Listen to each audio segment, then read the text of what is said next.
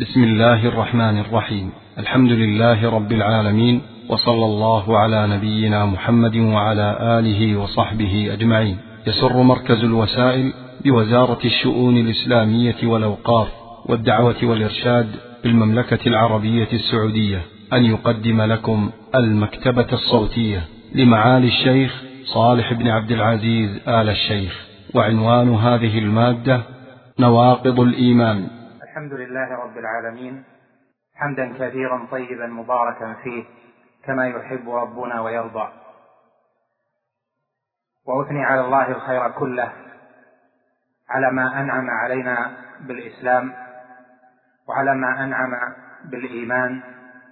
ونسأله أن يثبتنا على الإيمان وأن يتوفانا وهو راض عنا. اللهم نعوذ بك من خزي الدنيا وعذاب الآخرة. اللهم اجعل محبتنا فيك وعملنا لك وفكرنا فيك وتوسلنا إلى مرضاتك لا إلى مرضاه خلقك. وأشهد أن لا إله إلا الله وحده لا شريك له وأشهد أن محمدا عبد الله ورسوله وصفيه وخليله صلى الله عليه وعلى آله وصحبه وسلم تسليما كثيرا. إلى يوم الدين. أما بعد فموضوع هذه المحاضرة نواقض الإيمان عند أهل السنة والجماعة وضوابط ذلك. وهذا الموضوع مهم لأن الإيمان هو أغلى وأنفس ما يوصف به الإنسان فإنما يترك الإنسان بوصفه بالإيمان. وإنما يكون مهينا إذا سلب عنه وصف الإيمان مهينا عند الله جل جلاله وعند خلقه. فاسم الإيمان اسم شرعي عظيم. الوصف به لأحد من الخلق إنما هو إلى الله جل وعلا وإلى رسوله صلى الله عليه وسلم.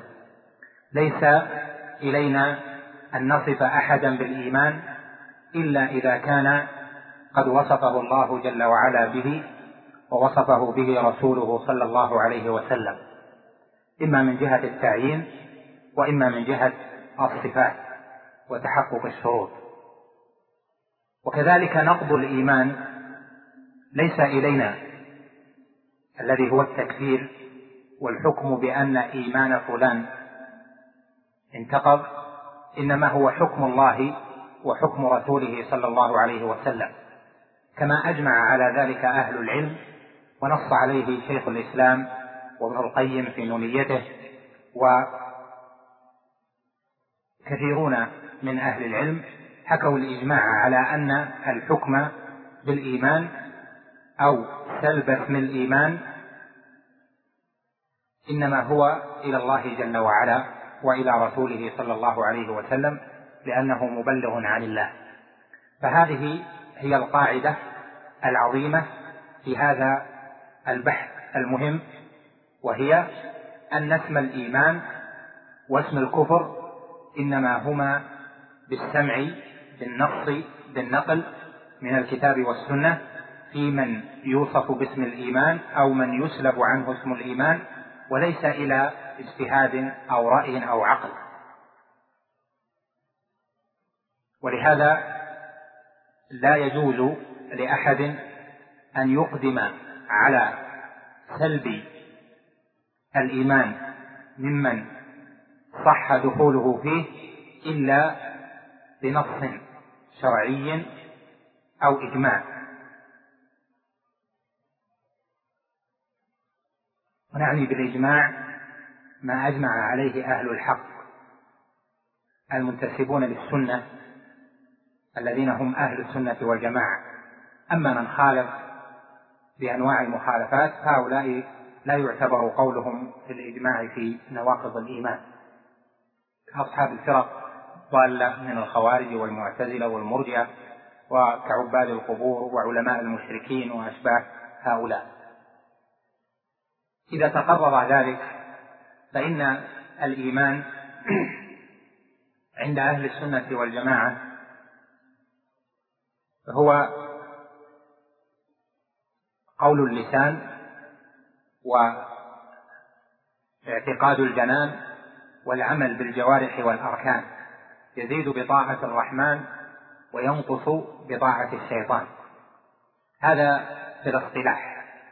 ونقول في الاصطلاح لأنهم خالفوا إذ وضعوا هذا التعريف للإيمان خالفوا أهل الفرق الذين لكل طائفة منهم مخالفة في بعض ذلك. فمنهم من اكتفى بالقول ومنهم من اكتفى بالاعتقاد ومنهم ومنهم إلى آخر ذلك. أما في اللغة فالإيمان هو التصديق الجازم الذي لا ريب فيه. فالإيمان ليس هو التصديق كما يقوله كثيرون ممن لم يفهموا اللغة وإنما الإيمان تصديق جازم لا ريب فيه. إذا كان التصديق جازما لا تردد فيه صار إيمانا. قال جل وعلا وما أنت بمؤمن لنا ولو كنا صادقين. فجمع أولئك في قولهم بين نفي الإيمان لهم وأنهم صادقون. يعني أنهم لن يصلوا من أبيهم بأن لا يكون في قلبه ريب ولا تردد في تصديقهم فلن يصل إلى الإيمان. ولو صدقهم ظاهرا فهو في ريب وشك من أمرهم باطنا. ولهذا قال بل سولت لكم أنفسكم أمرا. والتصديق أيضا في اللغة إما أن يكون تصديقا لخبر وإما أن يكون تصديقا لإنشاء. والإنشاء هو الأمر والنهي. فتصديق الأخبار باعتقادها وتصديق الأوامر والنواهي بامتثال الأمر وبالابتعاد عن النهي. قال جل وعلا في سورة الصافات لما ذكر قصة إبراهيم وأنه رأى الرؤيا في ذبح ولده وقال لولده يا بني إني أرى في المنام أني أذبحك فانظر ماذا ترى. ورؤيا الأنبياء حق والذبح هنا أمر. صار امتثال الأمر بالفعل هو التصديق حتى في اللغة وفي الشرع أيضا. ولهذا قال جل وعلا بعدها فلما أسلم وتله للجبين وناديناه أي يا إبراهيم قد صدقت الرؤيا. فلم يسمه مصدقا بالرؤيا إلا لما أسلم جميعا وتل إبراهيم ابنه للجبين. فلما ابتدأ بالفعل صار مصدقا للرؤيا لأن الرؤيا فيها امتثال لأمر وذلك هو ذبح الولد. فالإيمان في اللغة هو التصديق الجازم الذي لا ريب فيه. وفي القرآن يأتي الإيمان تارة معدا بالباء وتارة معدا باللام. يعدى بالباء كقول الله جل وعلا آمن الرسول بما أنزل إليه من ربه والمؤمنون. آمن بي. هذا تعدية بالباء. قولوا آمنا بالله. آمنوا بما نزلت مصدقا والآيات في هذا كثيرة. وتارة يعد الإيمان باللام كقوله جل وعلا وما أنت بمؤمن لنا ولو كنا صادقين وكقوله فآمن له لوط قال العلماء الفرق بين هذا وهذا أن الغالب فيما عدي باللام أن يكون هو المعنى اللغوي وهو التصديق الذي لا ريب فيه ولا تردد. وأما إذا عدي بالباء فيراد به المعنى الشرعي وهو ما يكون قولا وعملا واعتقادا. إذا تبين ذلك فالإيمان قول وعمل. قول القلب وهو اعتقاده وقول اللسان وهو شهادته بأن لا إله إلا الله وما يجب عليه أن يشهد به بلسانه. والعمل عمل الجوارح وعمل القلب من أنواع أعمال القلوب. ولهذا قال كثير من أهل العلم الإيمان قول وعمل وقال الطائفة الإيمان قول وعمل واعتقاد. وهذا وهذا سواء لأنه بالتفصيل يكون يكون الإيمان قولا وعملا واعتقادا. وبالإجمال يكون قولا وعملا والقول والعمل يرجع كل واحد منهما إلى القلب وإلى غيره إما اللسان في القول أو العمل أو الجوارح في العمل. الإيمان عند أهل السنة والجماعة له شعب أيضا. وهذه الشعب كثيرة هي بضع وستون شعبة أو بضع وسبعون شعبة كما جاء في الحديث المعروف والراجح أنها بضع وستون شعبة لأن الحديث بذلك محفوظ. المقصود أنه شعب وهذه الشعب منها ما هو ركن ومنها ما هو واجب ومنها ما هو مستحب. كما ثبت في الصحيح أن النبي صلى الله عليه وسلم قال الإيمان بضع وستون أو قال بضع وسبعون شعبة أعلاها قول لا إله إلا الله وأدناها إماطة وأدناها إماطة الأذى عن الطريق. والحياء شعبة من الإيمان. قال العلماء جمع عليه الصلاة والسلام في هذا الحديث الأنواع الثلاثة للإيمان. فذكر القول وأعلى القول هو لا إله إلا الله وذكر العمل وأدنى العمل إماطة الأذى عن الطريق وذكر عمل القلب ألا وهو الحياة. فذكر جنسا للأقوال وذكر جنسا للأعمال القلبية وذكر جنسا لأعمال الجوارح. وهذا منه الركن وهو الشهادة ومنه الواجب وهو الحياء ومنه المستحب وهو إماطة الأذى عن الطريق. فنبه عليه الصلاة والسلام بذلك إلى أنواع شعب الإيمان. فالإيمان له شعب وإذا كان كذلك فما يقابله وهو الكفر له شعب أيضا.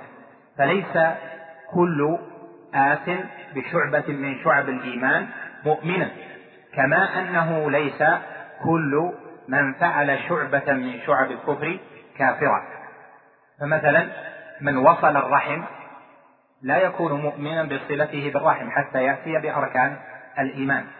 كذلك من طعن في النسب فهذا من شعب الكفر.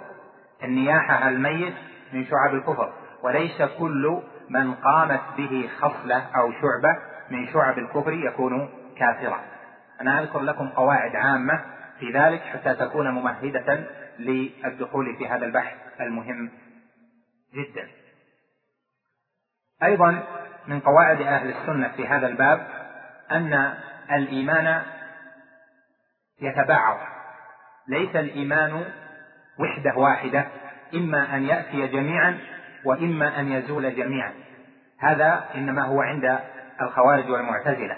أما أهل السنة والجماعة فعندهم الإيمان يتبعض وبالتالي يكون في المرء خصال إيمان ويكون فيه خصال نفاق وخصال كفر. فيجتمع في حق المعين الفاسق خصال إيمان وخصال كفر أو خصال نفاق. ولا يمتنع ذلك عند أهل السنة والجماعة.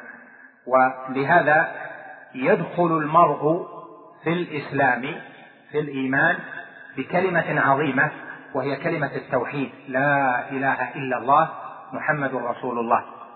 وإذا دخل في الإيمان بهذه الكلمة العظيمة فقد ثبت له عند أهل السنة والجماعة عقد الإيمان.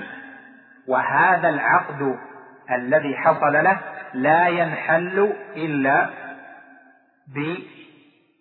بأمر واضح قوي بين في مثل وضوح وبيان ما أدخله في الإيمان. يعني أنه دخل في الإيمان بهذه الكلمة العظيمة فلا يخرج من الإيمان بالشك ولا يخرج من الإيمان بالاحتمال بل لا بد من شيء واضح بين حتى ينتقض عقد الإيمان في حقه ويصبح خارجا عن الإيمان كافرا بالله ورسوله صلى الله عليه وسلم.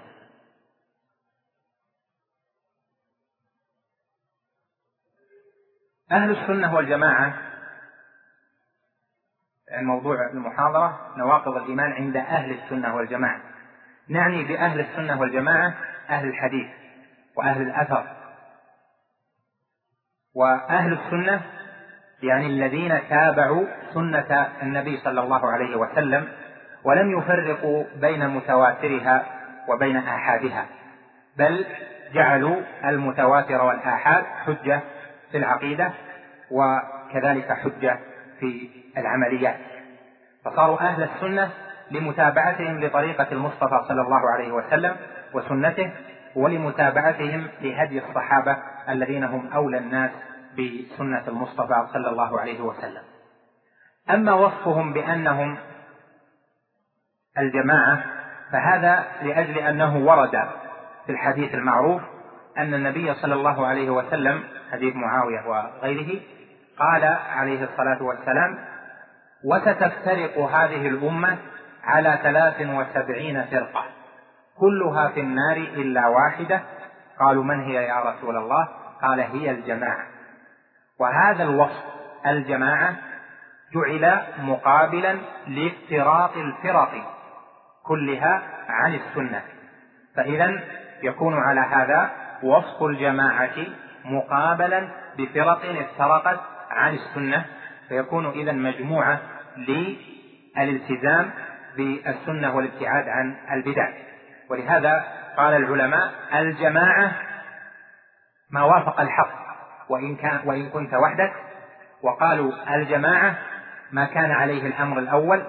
وقال الطائفة الجماعة ما كان عليه صحابة رسول الله صلى الله عليه وسلم ومن تبعه وهذا راجع إلى معنى الاجتماع في الدين. والاجتماع والجماعة تقابل بالفرقة. يقابل الجماعة الفرقة. يقال اجتماع وافتراق. وجماعة وفرقة. والنبي صلى الله عليه وسلم ثبت عنه أنه قال الجماعة رحمة والفرقة عذاب فقابل بين الجماعة والفرقة. والافتراق يكون في الدين ويكون أيضا في الأبدان. لهذا جاء في آيات ذكر الافتراق في الدين.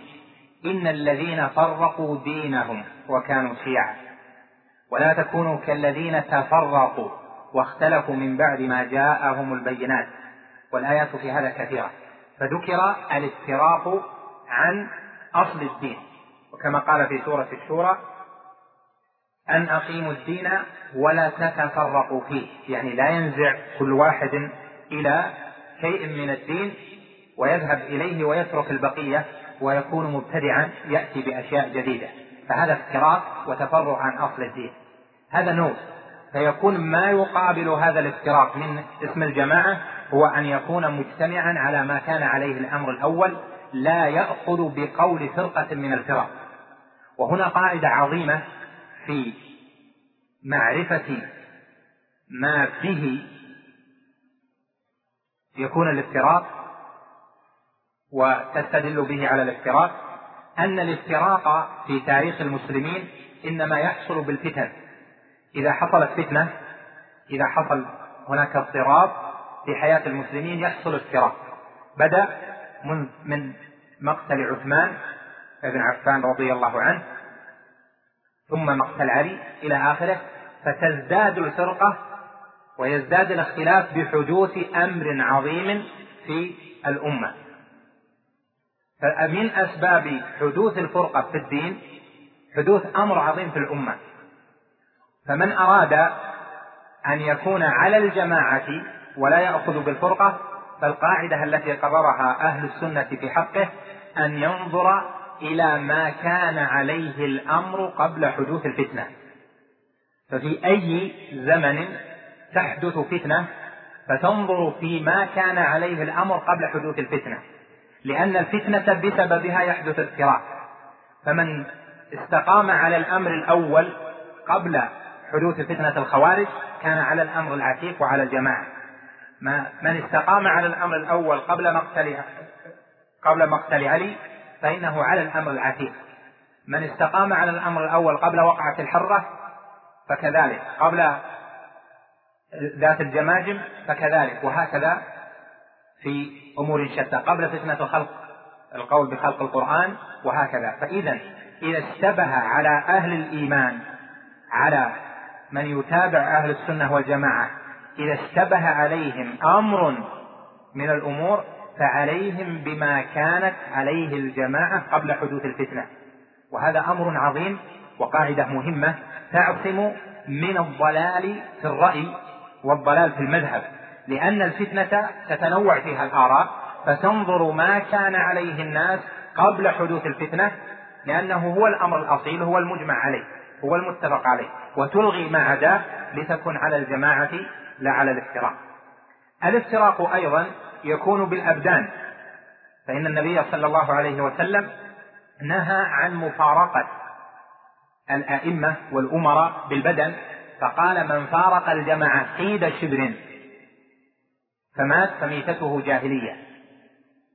ونهى عن ترك طاعة الإمام وعن مفارقته وصار ذلك من أنواع ترك الجماعة.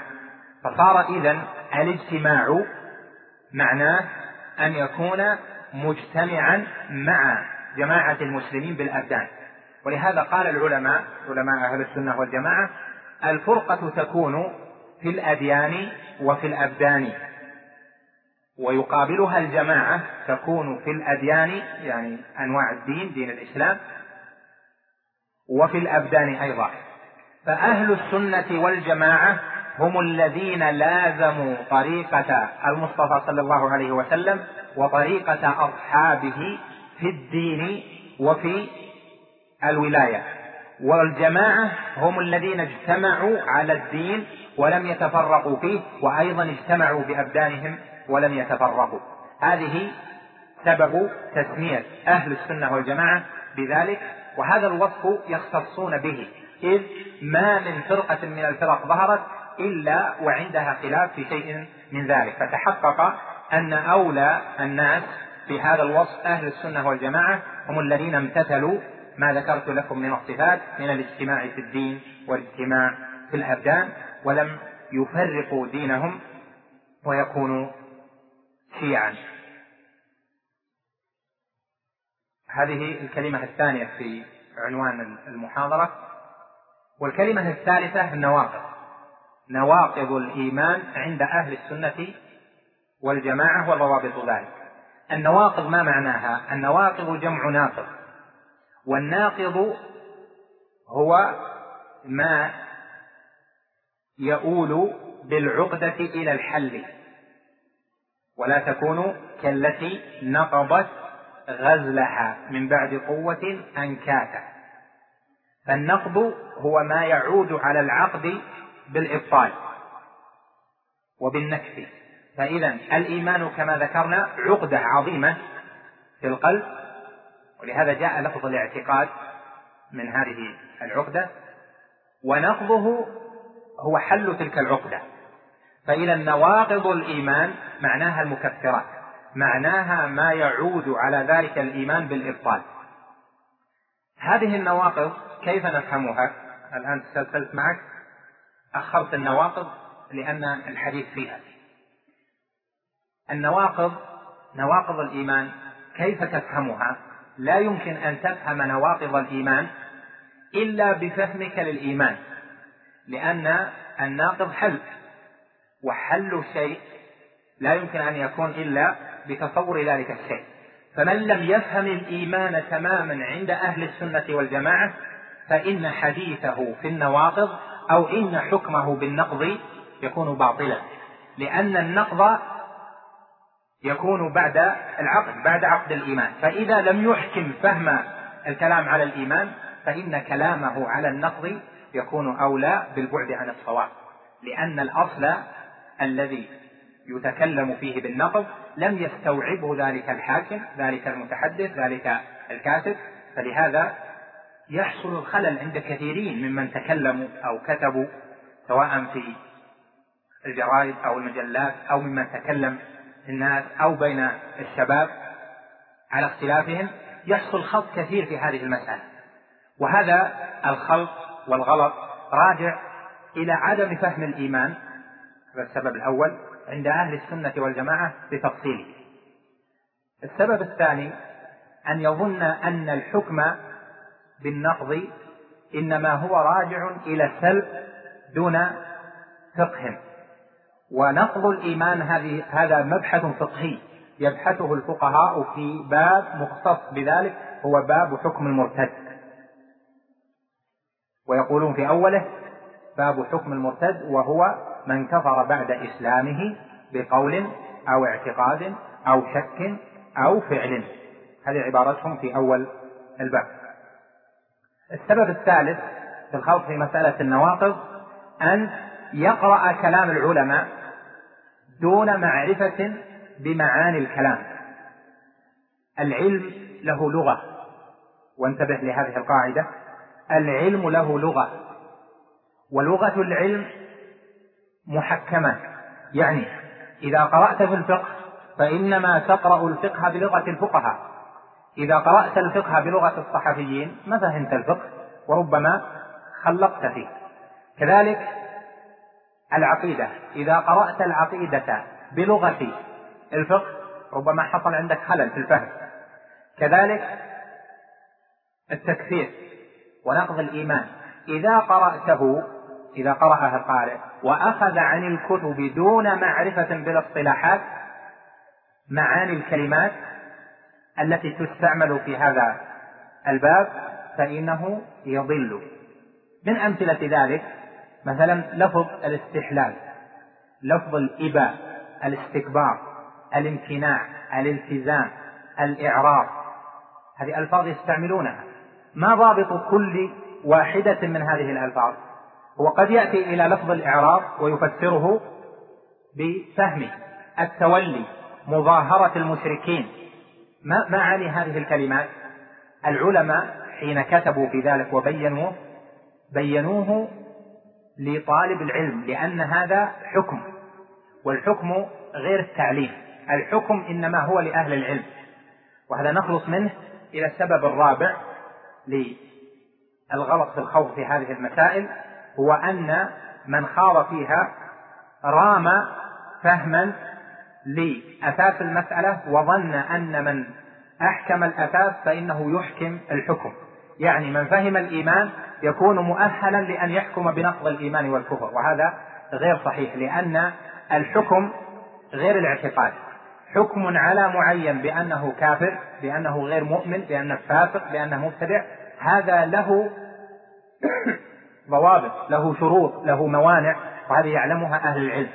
يأتي من يأتي ويطبق بعض تلك الألفاظ على واقع معين أو على أشخاص أو على إلى آخره فيكون خطأه لا من جهة قصده السيء ولكن من جهة أنه جهل وسار في هذا الأمر في جهالة ولم يضبط المسألة علميا.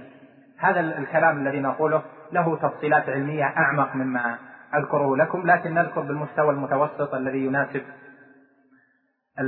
المتوسط الحاضرين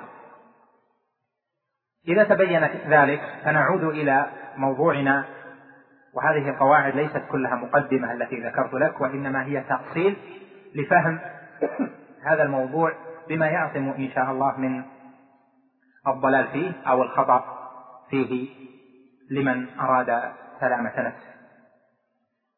نواقض الإيمان. ذكرنا أن الإيمان قول وعمل واعتقاد. وإذا كان كذلك عند أهل السنة والجماعة فإن نواقضه تكون بالقول والعمل والاعتقاد. ولهذا قال الفقهاء في الحكم يعني في باب حكم المرتد المرتد هو من يكفر بعد إسلامه. بقول لأنه يناقض عقد الإيمان القولي أو اعتقاد لأنه يناقض عقيدة الإيمان أو شك لأن الشك ينافي التصديق الجازم الذي لا ريب فيه. رجعوا إلى معناه في اللغة. أو عمل لأن العمل يناقض العمل. فتحصل أن أهل السنة والجماعة عندهم نقض الإيمان يكون بالأقوال وبالأعمال وبالاعتقادات. ويكون أيضا بالشك لأن الشك نقض لمعنى الإيمان الذي هو التصديق الذي لا ريب فيه. فإذا عندنا نواقض الإيمان من حيث التقسيم العام أربعة. ناقض يرجع إلى تعريف الإيمان في اللغة وهو الشك. وناقض يرجع لأن الإيمان في اللغة التصديق الذي لا ريب فيه ولا تردد. فإذا شك راب صار ذا ريب أو ذا تردد فليس بمؤمن. وشك له ضابط شك في أي شيء هذه له لها ضوابط وربما تأتي. أو قول دخل في الإيمان بقول واضح بين وهو الشهادة فكذلك يخرج من الإيمان بقول بين واضح في نقضه لعقد الإيمان. يأتينا إن شاء الله تعالى أمثلة لذلك. أو عمل. العمل الذي ينقض به الإيمان ما يعود على أصل الإيمان بالإبطال من جهة أن العمل قد يكون طاعنا في أصل تصديقه أو أن يكون العمل الظاهر مخالفا لما يجب عليه من العمل الظاهر الذي فيه تعظيم الرب جل وعلا وإفراده بألوهيته وأشباه ذلك. وسيأتي المثال. الثالث الاعتقاد والاعتقاد يعني الاعتقاد القلبي. ويكون هناك كفر باعتقادات قلبية.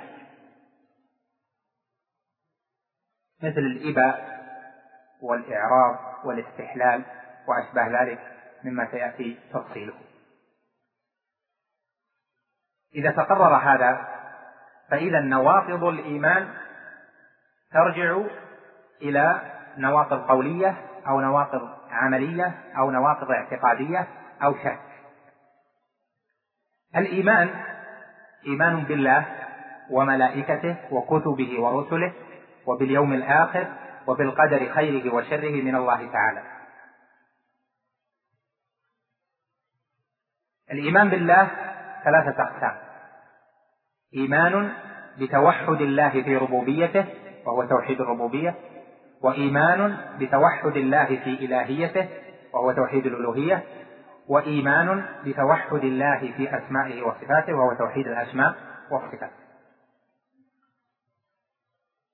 الإيمان بالله وملائكته وكتبه ورسله واليوم الآخر وبالقدر خيره وشره من الله تعالى.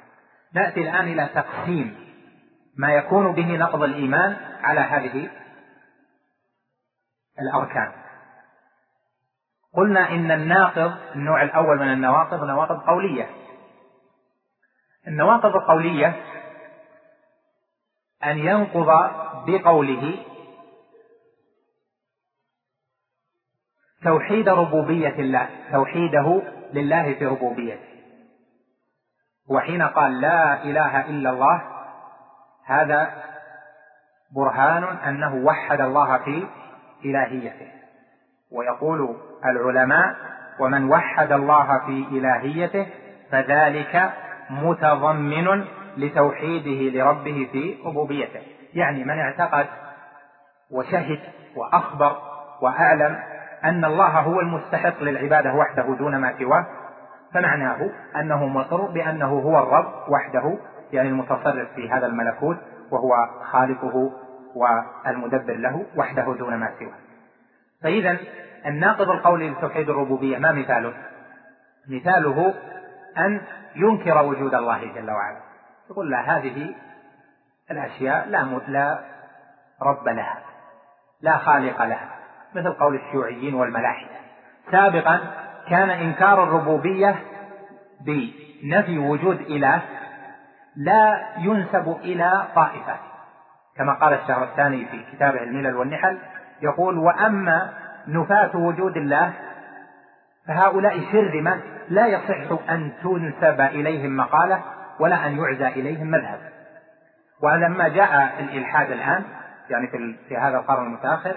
صار القول بنفي وجود الله جل وعلا قولا كثيرا في طائفة ومذهب كبير. فإذا الناقض القولي إذا قال أنه لا وجود لله جل وعلا. هذا انتهى من الإيمان. خرج بهذا القول. لأنه نفى إيمانه بربوبية الله ومعنى ذلك أنه نفى إيمانه بالإلهية وبالأسماء والصفات وكل ما أخبر الله جل وعلا به.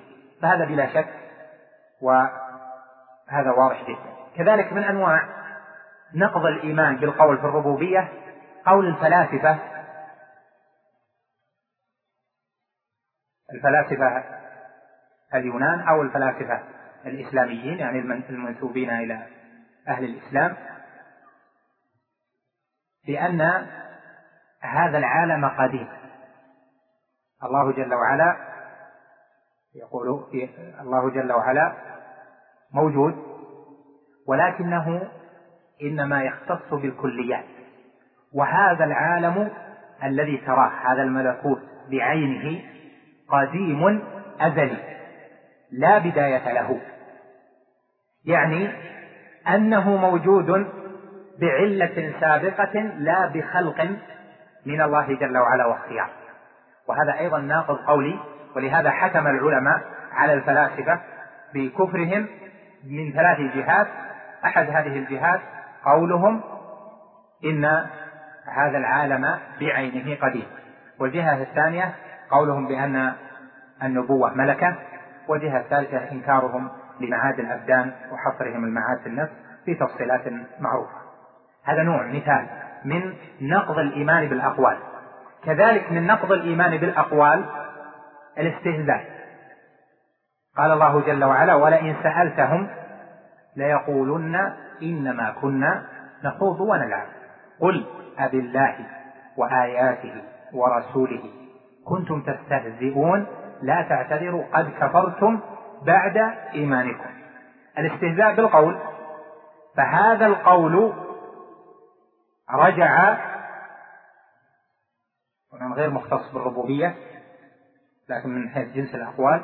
هذا الاستهزاء نوع من الأقوال التي يكون قائلها كافرا الاستهزاء بأحد ثلاثة أشياء فقط. استهزاء بالله وبرسوله وبكتابه في القرآن. قل أب الله وآياته ورسوله. كنتم تستهزئون بالله بالقرآن بالرسول. أما الاستهزاء بأهل الدين فهذا له تفصيل آخر. نرجع إلى كلامنا الأول. النواقض القولية في الربوبية ذكرنا لكم أمثلة منها. النوع الثاني نواقض قولية في الإلهية يعني في استحقاق الله جل وعلا العبادة وحده دون ما سواه. مثل دعاء غير الله جل وعلا الاستغاثة بغير الله جل وعلا وهذا أمر واضح لديكم لأن من دعا غير الله جل وعلا من الأموات في طلب تفريج بر أو طلب جلب خير يدعوه ويرجوه ويخافه فإن هذا كفر مناقض لأصل الإيمان ومنه الاستغاثة بغير الله جل وعلا. فهذا ناقض قولي رجع على إيمانه بتوحيد الإلهية بالإبطال لأنه حين قال لا إله إلا الله وأن الله واحد في إلهيته لا يستحق العبادة إلا هو حين دعا غيره نقض قوله ذاك بقول آخر. فهو ادعى غير الله فإذا حين قلت إن الله متوحد في الإلهية فأنت دعوت غيره. فإذا بهذا القول نقض ذلك القول. في الأسماء والصفات كالذين ينكرون أسماء الله جل وعلا وينكرون صفاته ويقولون إن الله جل وعلا معطل عن الأسماء والصفات كقول الجهمية وأشباههم ممن ليس لهم تأويل أصلا ينكرون جميع الصفات. وكبعض غلاة الصوفية الذين يقولون بوحدة الوجود وأشبه ذلك. المقصود التمثيل لا تفصيل. إذا أتينا للملائكة آمن بأن الله جل وعلا له خلق جعلهم مسخرين لبعض ما يشاءه الله جل وعلا من أعمال. فكذب بالملائكة. قال الملائكة غير موجودين. فهنا صار بقوله مكذبا لوجود الملائكة. فرجع ذلك إلى إيمانه بالإبطال.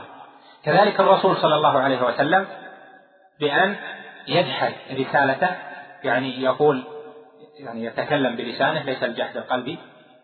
يعني تكلم بلسانه بأنه ليس رسولا عليه الصلاة والسلام أو بأن النبوة كذا وكذا ونحو ذلك من الأقوال التي تعود على النبوة بالإبطال فنقول هذا ناقض قول قولي رجع للنبوة. كذلك ناقض قولي يرجع إلى الكتاب للقرآن بالاستهزاء وكذلك ناقض قولي يرجع للرسالة بالاستهزاء وأشبه ذلك. هناك من الناس ومن أهل العلم من قال لا بد في الكفر من شرح الصدر. لا ينتقض الإيمان إلا بأن ينشرح صدر ذلك للكفر. وهذا معناه أنه لا يكفر عندهم إلا المعاند. يعني الذي يعلم الكفر ويقول أنا أختار الكفر. ولكن المستهزئ هو قالوا إنما كنا نخوض ونلعب. فهذا الاستهزاء يرجع على قول من قال لا بد من شرح الصدر بالإبطال. والآية التي فيها شرح الصدر إنما هي في حال المكره إلا من أكره وقلبه مطمئن بالإيمان ولكن من شرح بالكفر صدره. فهي في حال المكره الذي يكره وينشرح صدره للكفر. فهي بعض أحوال الكفر ليست هي قاعدة الكفر. ولهذا هناك من يكفر وينتقض إيمانه بالقول أو بالعمل أو بالاعتقاد دون شرح من نفسه لصدره باختيار الكفر على الإيمان. مثل المعرض الذي يعرض عن دين الله لا يتعلمه ولا يعمل به. فيه دين فيه رسالة فيه كتاب ابحث اسمع اسأل. هذا لكم أنا ما لي علاقة بهالأشياء ما شيء في حياتي أمضي زماني. هو حسب هذا معرض عن دين الله لا يتعلم ولا يعمل به. يأتينا الكلام عليه وهذا راجع إلى أصل إيمانه بالإبطال لقوله تعالى بل أكثرهم لا يعلمون الحق فهم معرضون. وهو ليس ممن شرح بالكفر صدرا. فإذا القوليات في نواقض الإيمان كما ذكرنا لك كثيرة. فعقد الإيمان إذا استقام فلا ينقض إلا بقول في القوة بمثله. على قاعدة أن الناقض لا يكون إلا بنص. بعض العلماء يقول هذا يكفر وهذا يرتد بالاجتهاد. وعندنا عند علمائنا وخاصة أئمة الدعوة رحمهم الله تعالى لا نقض في الإيمان إلا بنص من الكتاب أو من السنة أو بإجماع أهل العلم المعتبر. أما نقل الخلاف من أناس متأخرين وما أشبه ذلك هذا ليس بذي بال عند من يعلم الإجماع والخلاف وكيف ينعقد الإجماع وكيف يكون الخلاف معتبرا وغير معتبر أيضا الناقض القولي في القدر الناقض القولي في الإيمان باليوم الآخر وأشبه ذلك. هناك نواقض عملية أيضا ناقض عملي لتوحيد الإلهية. ناقض عملي لتوحيد الأسماء والصفات. ناقض العملي لا بد أن يكون مجمعا عليه. وهذا المجمع عليه أن يعود يعني عند أهل السنة قبل حدوث الخلاف فيه وإلا حتى دعوة غير الله يعني من دعا من دعا وثنا من دعا ميتا هذه المتأخرون بعضهم خالف فيها وبعضهم منتسب لأهل العلم. هذا هؤلاء لا يرعى خلافهم لأن الإجماع منعقد قبل وجود هذا الخلاف أصلا. هنا النواقض العملية أصعب في التطبيق من النواقض القولية. ولكل منها ضوابط. لكن من أمثلتها مثلا ناقض عملي في توحيد الإلهية مثل الذبح لغير الله والنذر لغير الله وأشباه ذلك. ومن أمثلة الناقض العملي الذي يعود على الشهادة شهادة بأن محمد رسول الله. بالإبطال الحكم بغير ما أنزل الله. لأن الحاكم بغير ما أنزل الله كافر كما قال الله جل وعلا ومن لم يحكم بما أنزل الله فأولئك هم الكافرون. وهذا إذا استحل الحكم بغير ما أنزل الله يعني الحاكم القاضي الذي حكم أو قال إن الحكم بغير ما أنزل الله جائز أو قال إنه مساو لحكم للحكم القانوني أو أشبه ذلك. فإذا اعتقد ذلك فإن تحكيمه لغير لتحكيمه لغير الله تحكيمه لغير ما أنزل الله هذا ناقض من نواقض الإيمان. هل هو ناقض راجع للاعتقاد أو ناقض راجع للعمل؟ لا هو ناقض عملي لأن الله جل وعلا قال ومن لم يحكم بما أنزل الله فأولئك هم الكافرون. وإنما الاعتقاد شرط في الناقض. وليس الاعتقاد هو الناقض فنقول الحكم بغير ما أنزل الله كفر أكبر إذا استحل يعني بشرط الاستحلال. فإذا هنا الاعتقادات الاستحلال والمساواة إلى آخره هذه شروط في كون العمل ناقضا. ومعلوم أن شرط الشيء غير الشيء نفسه الصلاة لعمل وشروطها منها أشياء قلبية اللي هو النية. هل نقول أن الصلاة عبادة قلبية؟ لا يكون كذلك. ولهذا بعضهم يقول الحكم بغير ما أنزل الله هذا راجع إلى الكفر الاعتقادي هذا ليس بصحيح. إنما هو كفر راجع إلى العمل قد يكون كفرا أكبر متى؟ إذا كان مستحلا أو ما ذكرت لكم من الشروط. هذا من حيث الحاكم.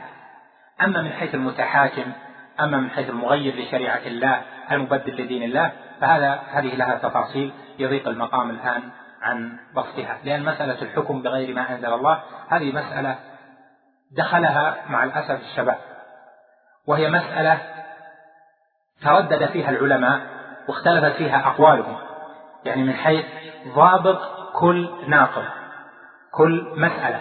فعندنا مثلا في الحكم بغير ما أنزل الله هناك حاكم بغير ما أنزل الله. هذه فيها آية ومن لم يحكم بما أنزل الله فأولئك هم الكافرون. هذا في من؟ في الحاكم. ومن لم يحكم يعني القاضي الذي يباشر الحكم الحاكم نفسه. لكن المتحاكم هل يدخل في هذه؟ في هذه لا. المتحاكم له شرط آخر جاء في سورة النساء. يريدون ألم تر إلى الذين يزعمون أنهم آمنوا بما أنزل إليك وما أنزل من قبلك؟ يريدون أن يتحاكموا إلى الطاغوت. لاحظ هذه في المتحاكم. يريد أن يتحاكم فاشترط الإرادة. وهو القصد وما فيها من الرضا إلى آخره والرغبة. تأتي المسألة الثانية المبدل للشريعة. العالم أو الحاكم الذي يبدل شرع الله جل وعلا. مثل ما قال الشيخ محمد بن عبد الوهاب في كتاب التوحيد باب من أطاع العلماء والأمراء.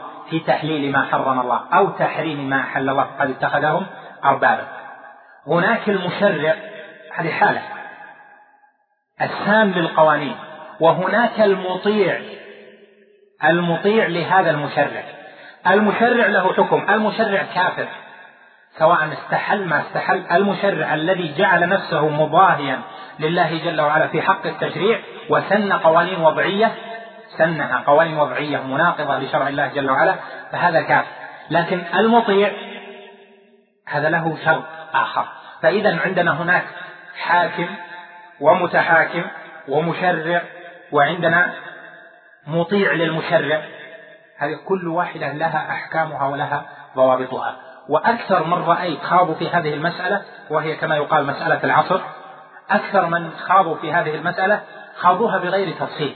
ولو درسوا كلام أئمة الدعوة في كتاب التوحيد وشروحه لو درسوه كان كافيا بتقسيم هذه الحالة إلى خمسة أو ستة أقسام كل واحدة لها شرطها ولها حكمها ولها ضوابطها. وهذه تحتاج منا الحقيقة إلى محاضرة لأن الكلام فيها كثر ومؤلفات أتت وذهبت بدون تفصيل يفصل في كل حالة من الحالات ولولا ضيق المقام لا دخلنا في هذا. النواقض الاعتقادية. الحقيقة يا أخوان أن البحث في, هل في هذا الموضوع يتطلب بدون مبالغة يتطلب شهرا يعني دورة كاملة لمدة شهر في نواقض الإيمان وضوابطها. وكما قال يعني هي سهلة واضحة لكن كما قال علي رضي الله عنه العلم قيل له العلم كثر. وهذا قول كذا وهذا يرد عليه بكذا في في وقت علي رضي الله عنه لما ظهرت الفرق وكذا وأصبح يناظر الخوارج وأصبح. قالوا له كثر العلم. فقال العلم نقطة. كثرها الجاهلون. العلم في الأصل قليل وسهل. من الذي كثر العلم؟ وجعلنا نفصل ونرد ونقول كذا ونقول كذا. الجاهلون. ليس هو أصل الشريعة العلم فيها بهذا بهذه التفصيلات الواسعة. لكن كل من خالف نحتاج إلى أن نرد عليه. وهذا الرد قد يقتنع به, به أناس ولا يقتنع به أناس تتوسع المسألة. فهذا يؤيد هذا وهذا يفصل وهذا وهكذا كثر كثر كثر إلى الغاية أما أصل الشريعة فهو سهل سهل للغاية. ولقد يسرنا القرآن للذكر فهل من مدكر؟ الشريعة أصلها سهل. يأتي أعرابي يسمع كلمتين ثم يعود إلى قومه. منذر فهم الدين. في عشرين يوم أسبوع إلى آخر مع النبي عليه الصلاة والسلام. لكن كثرت الأقوال وأصبح هناك ترجيحات وخلافات وهذا يتطلب. إذا لا تنظر إلى كثرة الكلام في المسائل على أن المسألة مشكلة لا. ولكن انظر إلى ما دل عليه النص. وما عليه أئمة أهل السنة والجماعة تنجو بإذن الله جل جلاله. لأن المخالفين كثير الناس عندهم أفهام وآراء إلى آخره. الاعتقاد النواقض نواقض الإيمان الاعتقادية يعنى بها ما يقوم بالقلب من الأعمال القلبية أو من الاعتقادات القلبية التي تنقض الإيمان. مثل الأعمال القلبية مثل التوكل على غير الله. هل التوكل على غير الله ظاهر؟ هو اعتقاد. مثل الاستعاذة القلبية بغير الله جل وعلا يعني اللجأ والاعتصام و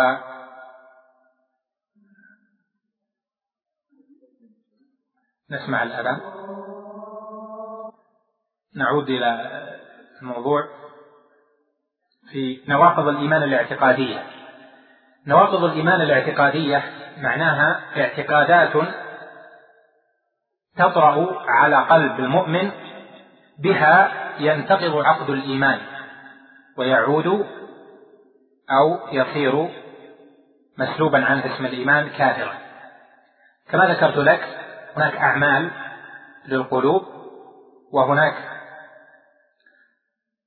اعتقادات محضة مثل يعني الاعتقادات التي هي من النواقض مثل الإعراض الإعراض في الظاهر عمل. الإعراض في الظاهر عمل. وهو في الواقع ترك عمل. يعني الواجب عليه أن يسعى في تعلم الدين والإيمان بالرسول صلى الله عليه وسلم وامتثال أوامر الشريعة ويبحث عن ذلك ويطلبه. لكن هو ترك هذا العمل الواجب فأعرضه. هذا الإعراض في الظاهر عمل ولكن هو في الحقيقة اعتقاد. لأنه حين اعتقد أن لا أحقية لهذا الذي بعث بأن يكون متابعا بأن يبحث عما جاء به يعتقد أن لا حقية للقرآن بالاتباع يعتقد كذا وكذا فبالتالي ترك البحث وترك طلب الحق وترك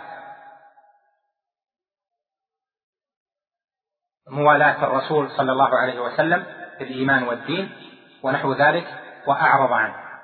ذكر ابن القيم ضابط للإعراض فقال ما حاصله؟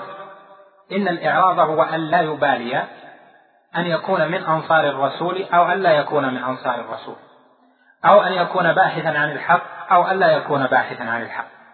أو أن يكون متبعا للدين أو أن لا يكون متبعا للدين. فرجع إذا الإعراب ما نسميه بلغتنا عنده الأمور مثل بعض. يعني أبحث عن الدين أو ما أبحث هذا يعني شيء ما له ما له داعي معرض. لا يهتم بأمر دينه البتة. فتجد لا عنده علم بالإسلام ولا عنده علم بالرسالة ليس من أهل الديانة أصلا. لماذا؟ لأنه معرض عنه. وهذا هو الناقض الأخير الذي ذكره الشيخ محمد بن عبد الوهاب الإمام رحمه الله في نواقض الإسلام العشرة. قال العاشر الإعراض عن دين الله. لا يتعلمه ولا يعمل به. ومعنى الإعراض عن دين الله أن لا يبالي بالدين أصلا. فلا يتعلم شيئا من الدين ولا يوالي فيه ولا يعادي فيه. عنده هذا معرض. وهؤلاء لا يعلمون الحق. كما قال جل وعلا بل أكثرهم لا يعلمون الحق فهم معرضون. فجعل سبب عدم علمهم بالحق لا لخطأ الحق في نفسه ولكن لأنهم معرضون عن الديانة وكذلك قال جل وعلا ومن أعرض عن ذكري فإن له معيشة ضنكا ونحشره يوم القيامة أعمى. هذا الإعراض. من أيضا النواقض الاعتقادية؟ الكبر. كحال إبليس. أن يتكبر عن أصل الدين. مثل ما قال أحد كفار قريش أكون يعني حينما رأى النبي صلى الله عليه وسلم ساجدا قال أأكون بحيث تعلو وسطي رأسي؟ هذا كبر. يعني كبر قام في قلبه عن الاتباع اتباع الرسول. ولهذا صار الاعتقاد من أنواع التكفير به أو نقض الإيمان به ما منه راجع إلى الكبر أو يسمى الإبا والاستكبار ومنه ما هو راجع إلى الاعراض أيضا من أنواع نقض الإيمان الاعتقادي الاستحلال. استحلال المحرم. نقول من استحل المحرمات كفر.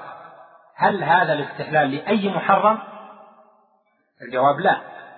بل هذا الاستحلال مضبوط بضابط وهو أن يكون أولا هذا المحرم مجمعا على تحريمه لم يخالف فيه أحد من الأمة. أما إذا كان كانت المسألة مما فيها خلاف بين الأمة فمن ذهب إلى أحد القولين ولو كان قولا شاذا مستحلا للعمل به فإنه لا يكون كافرا بذلك لأنه لم يستحل مجمعا عليه. فإذا من استحل مجمعا عليه وهو ما يعبر عنه بعض العلماء بقولهم من استحل معلوما من الدين بالضرورة. معنى قولهم معلوما من الدين بالضرورة يعني مما لا يحتاج الناس في إثباته إلى برهان. مثل الصلاة.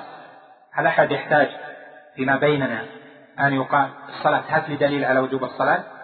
هات لي دليل على حرمة الخمر؟ هات لي دليل على حرمة الزنا؟ هذه من المعلومة من الدين بالضرورة يعني مما لا يحتاج فيه إلى استدلال. فهذا من استحل مجمعا عليه يعني معلوما من الدين بالضرورة صار كافرا. استحله بأي شيء؟ بالعمل أو استحله بالقلب؟ قال شيخ الإسلام ابن تيمية والاستحلال إنما يكون بالقلب. استحلال المحرم إنما يكون بالقلب. أما من عمل عملا ظاهره الاستحلال فلا يكفر به إذا كان مجمعا عليه. يعني مثل من يشرب الخمر ولا يعبأ بها. فهذا بالإجماع أنه ليس بكافر لا يعبأ ابدا بمن ينصحه في شرب الخمر أو من ينصحه بالزنا.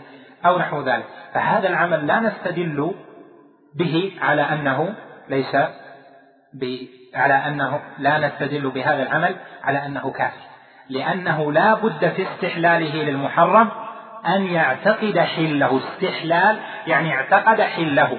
وهذا راجع إلى معارضة كلام الله جل وعلا وتكذيبه لحكم الله بأن هذا محرم. أيضا من ضوابط الاستحلال أن يكون مما يعني أن يكون هذا الفعل مما قامت عليه الأدلة من الكتاب والسنة وشاعت ليست خفية ما يعلمها إلا بعض الناس. فلا تكفير باستحلال عمل إنما يعلم حكمه طائفة من أهل العلم. وهذا راجع إلى كون الاستحلال مقيد بما أجمع عليه بما هو معلوم من الدين بالضرورة. فمثلا العلماء لم يكفروا طائفة من الفقهاء ممن يبيحون النبيذ الذي يسكر كثيره فيه أدلة كثيرة وهذا النبيذ الذي يبيحه طائفة من أهل الرأي يستحلونه ويشربونه ويعتقدونه حلالا. لم يحكم أحد من أهل السنة على تلك الطائفة من الفقهاء بأنهم كفار لأنهم استحلوا محرما الذي هو النبيذ الذي يسكر كثيره. تجد في التراجم فلان أتيناه فوجدنا عقله مختلفا يعني من شرب النبيذ. أكثر منها أكثر وسكت يرى أن ذلك حلالا يرى أن ذلك حلال وجائز ويستحل. هذا من المسائل المختلف فيها. النبيذ ليس مجمعا عليه فلهذا لا تكفير به لأنه قول لطائفة من الفقهاء ولو كان قولا ضعيفا لكن لا تكفير إلا بمجمع عليه. مثلا ابن عباس رحمه رضي الله عنه يرى ويقال أنه رجع في آخر عمره أنه لا ربا إلا في النسيئة. فمن رابى ربا الفضل فهذا جائز عند ابن عباس. فمن ذهب إلى هذا الرأي وأجاز ربا الفضل وقال نعتقد أن ربا الفضل حلال فلا تكفير له لأنه ليس هذا هو الربا المجمع على تحريمه فهناك معاصي يكون منها ما هو مجمع على تحريمها وبعض صورها غير مجمع على تحريمها. مثل الربا ليس كل صور ليس كل صور الربا قد أجمع العلماء على تحريمها الخمر ليس كل أحوال الخمر قد أجمع العلماء على تحريمها. الزنا كل أحواله قد أجمع العلماء على تحريمها وهكذا. فإذا ننتبه إلى أن الاستحلال الذي هنا هو ناقض من نواقض النواقض الاعتقادية له ضوابطه وله شروطه والاستحلال إنما يكون في القلب. هناك شيء يتصل بالاستحلال الظاهري. قول النبي صلى الله عليه وسلم ليكونن من أمتي أقوام يستحلون الحرى والحرير والخمر والمعازف ليكونن من أمتي أقوام يستحلون. بعض العلماء نظر وهنا قال وصفهم النبي صلى الله عليه وسلم بأنهم استحلوه. ومع ذلك وصفهم بأنهم من أمته. والمقصود بأنهم من أمته يعني أمة الإجابة لأنه هو ميدان الكلام. ليكونن من أمتي يعني أمة الإجابة أقوام يستحلون الحرى والحرير والخمر والمعازف وهذا الاستحلال قال العلماء على جهتين. إما أن يكون اعتقادا بأنها حلال فيكونون قد خرجوا من الأمة أصلا وصاروا كفارا. وإما أن يكون استحلال بالفعل يعني أنهم لما فعلوه كانوا قد استحلوا إيش؟ فعله ولم يستحلوا حكمه. فصار اذا هنا عندنا في لفظ الاستحلال عند بعض أهل العلم على هذا الحديث أن الاستحلال منه ما يرجع إلى استحلال الفعل ومنه ما يرجع إلى استحلال الحكم. فإذا كان الاستحلال للحكم يعني استحلال للمحرم بأن يعتقد أن هذا المحرم حلال صار كفرا. وأما إذا كان الاستحلال للفعل يعني جعل فعله حلالا له ليس من جهة أنه ليس حراما عليه لكن من جهة إقدامه عليه وفعله له يعني استحله من جهة الفعل لا من جهة الحكم. قالوا هذا هو حال أولئك. وهذا الذي يناسب الوعيد لأن الوعيد الذي جاء في آخره يناسب العصاة لا الكفار. فمن هنا يظهر لنا أن لفظ الاستحلال خاض فيه أقوام كثير في هذا الزمن ومنهم من تكلم في الاستحلال الظاهر وأن المعاصي الظاهرة قد تكون استحلالا يعني يستدل بظهور الذنوب والكبائر على أنها على أن الحال استحلال لها بقيوده عندهم واستدلوا عليه بأشياء وهذا عند أهل العلم غير مسلم لأن هناك ألفاظ تتصل بهذا البحث ومن أهمها لفظ الالتزام والامتناع. لأن الالتزام والامتناع راجع راجع إلى الاعتقاد. الالتزام معناه قبول الحكم والامتناع معناه رد الحكم. وليس الامتناع. هنا الطائفة الممتنعة امتنع من أداء كذا بمعنى منع. فالامتناع يقابل في نصوص أهل العلم بالالتزام والالتزام معناه القبول وهو غير الجحد. يعني القبول وأن يكون ملتزما بهذا يعني أن يكون مخاطبا به. فمثلا نقول فلان من الناس ملتزم بأحكام الشريعة. فلان من الناس ملتزم بتحريم الزنا لكن يزني. ما الفرق بينهما؟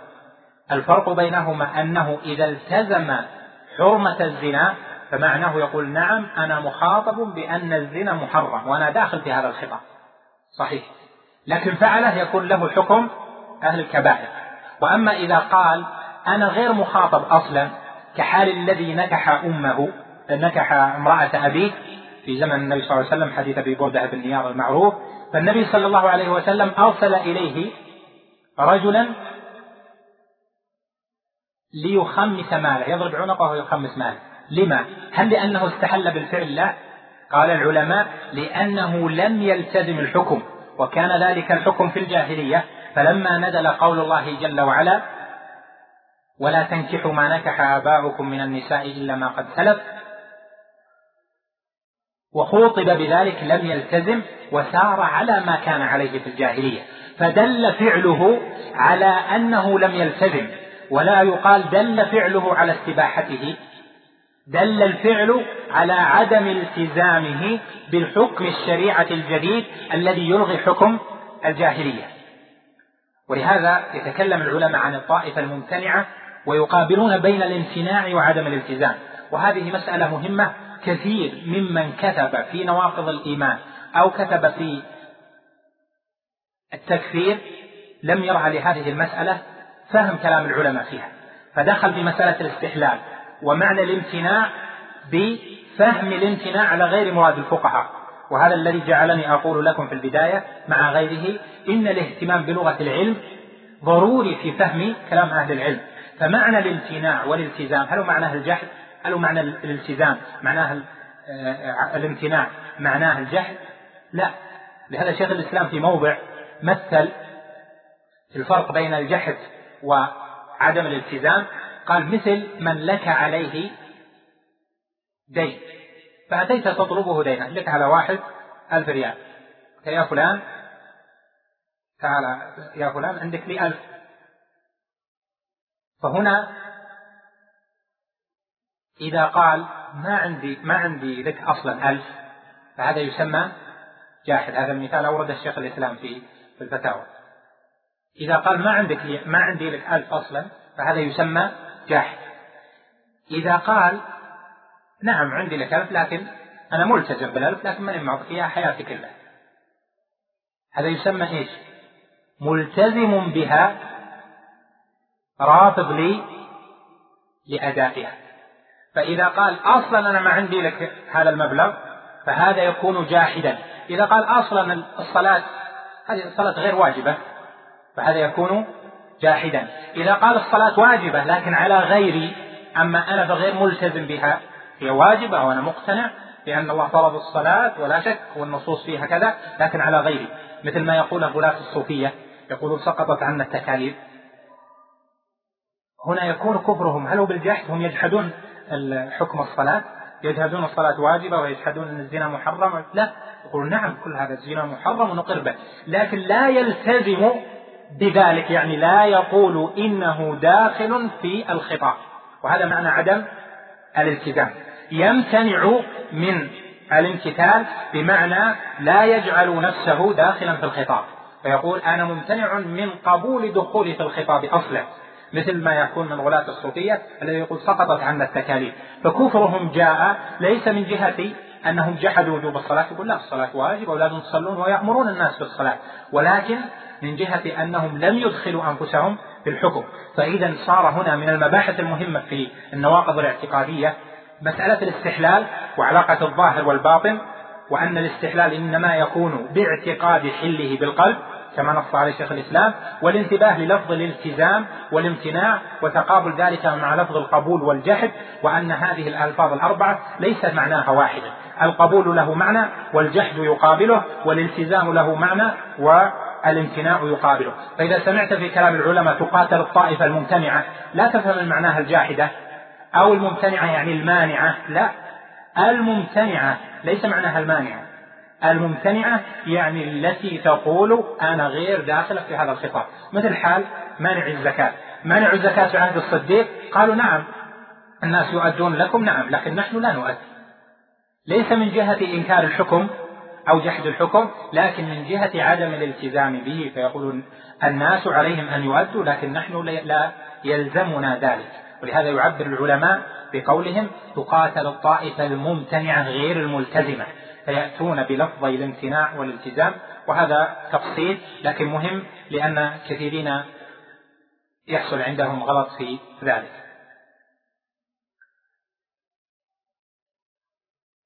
بقي مباحث كثيرة فما أدري. يوم السبت نكمل لأن الشيخ عبد الرحمن البراك عنده ضبط واعتذر. فنكمل يوم السبت إذا لم يكن قد رتب أحد. وإذا كان رتب أحد فتبقى يبقى علينا الضوابط نعتذر منكم نكملها إن شاء الله في محاضرة مستقلة. على العموم آه، أسأل الله جل وعلا أن يجزيكم خيرا على هذا الحضور وأن ينفعني وإياكم بالعلم وأن يجعلنا ممن يقول الحق ويدعو إليه لا تأخذه في الله لومة لائم وأن ييسر لنا فعل الخيرات وأن يبارك في ما نعمل وأن يجعلنا من عباده الصالحين. اللهم نسألك بأسمائك الحسنى وصفاتك العلى أن تجعلنا من عبادك المتقين وأن تسلك بنا طريق أهل السنة والجماعة وأن توفقنا للعلم النافع وللعمل الصالح. وأعوذ بك اللهم من فتنة القول كما أعوذ بك من فتنة العمل. اللهم أسألك أن تميتنا وأنت راض عنا. نعوذ بك من الخزي في الدنيا ومن العذاب في الآخرة. ثم أوصيكم في الختام الحرص على التؤدة في الأمور والرفق. خاصة في مسائل نواقض الإيمان والتكفير. لا يتأثر المرء بمن حوله أو بما ينشر فيكون عندنا ردود أفعال أو اقتناعات. هذه المسائل مرجعها أهل العلم. ليس مرجعها الصحف وليس مرجعها المجلات وليس مرجعها محاضرات أو كلمات في صفوف الجامعة من غير متخصص مأمون على هذه العلوم. إنما مرجعها أهل العلم فمن أراد سلامته فلا يخض بنيات الطريق في هذه المسألة العظيمة. فلها ضوابطها ولها قواعدها وكلما أخذتها من من سلف من العلماء السالفين كان آمن وأضبط لك من علماء أهل السنة والجماعة.